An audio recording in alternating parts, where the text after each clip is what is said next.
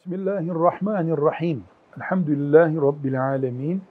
Ve salatu ve selamu ala Resulina Muhammedin ve ala alihi ve sahbihi ecma'in.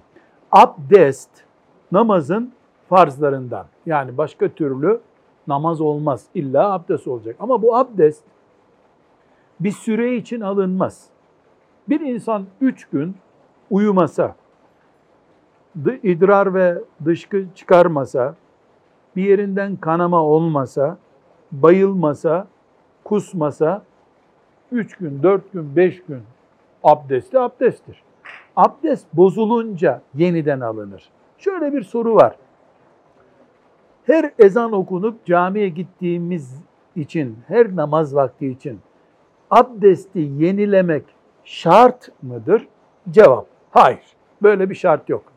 Abdest alındıktan sonra bozulmadıkça veya özür sahibi bir Müslüman değilse abdestle 1, 2, 3, 4, 5, 6, 7, 8, 9, 10 vakit namaz kılınabilir.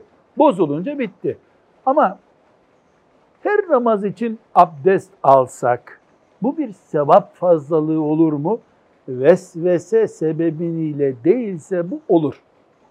Eğer vesveseden kaynaklanıyorsa, şöyle oldu, böyle oldu, abdest gitmiştir, gidiyordu, geliyordu, vesvese ortamında bu abdest tartışması varsa, abdest bozulmadıkça namaz için abdest almamak lazım.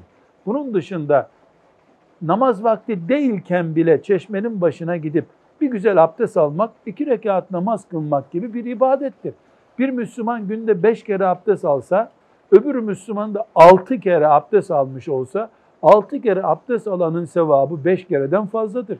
İki rekat fazla namaz kılmak gibi kabul ederiz bunu. Ama şart değil. Velhamdülillahi Rabbil Alemin.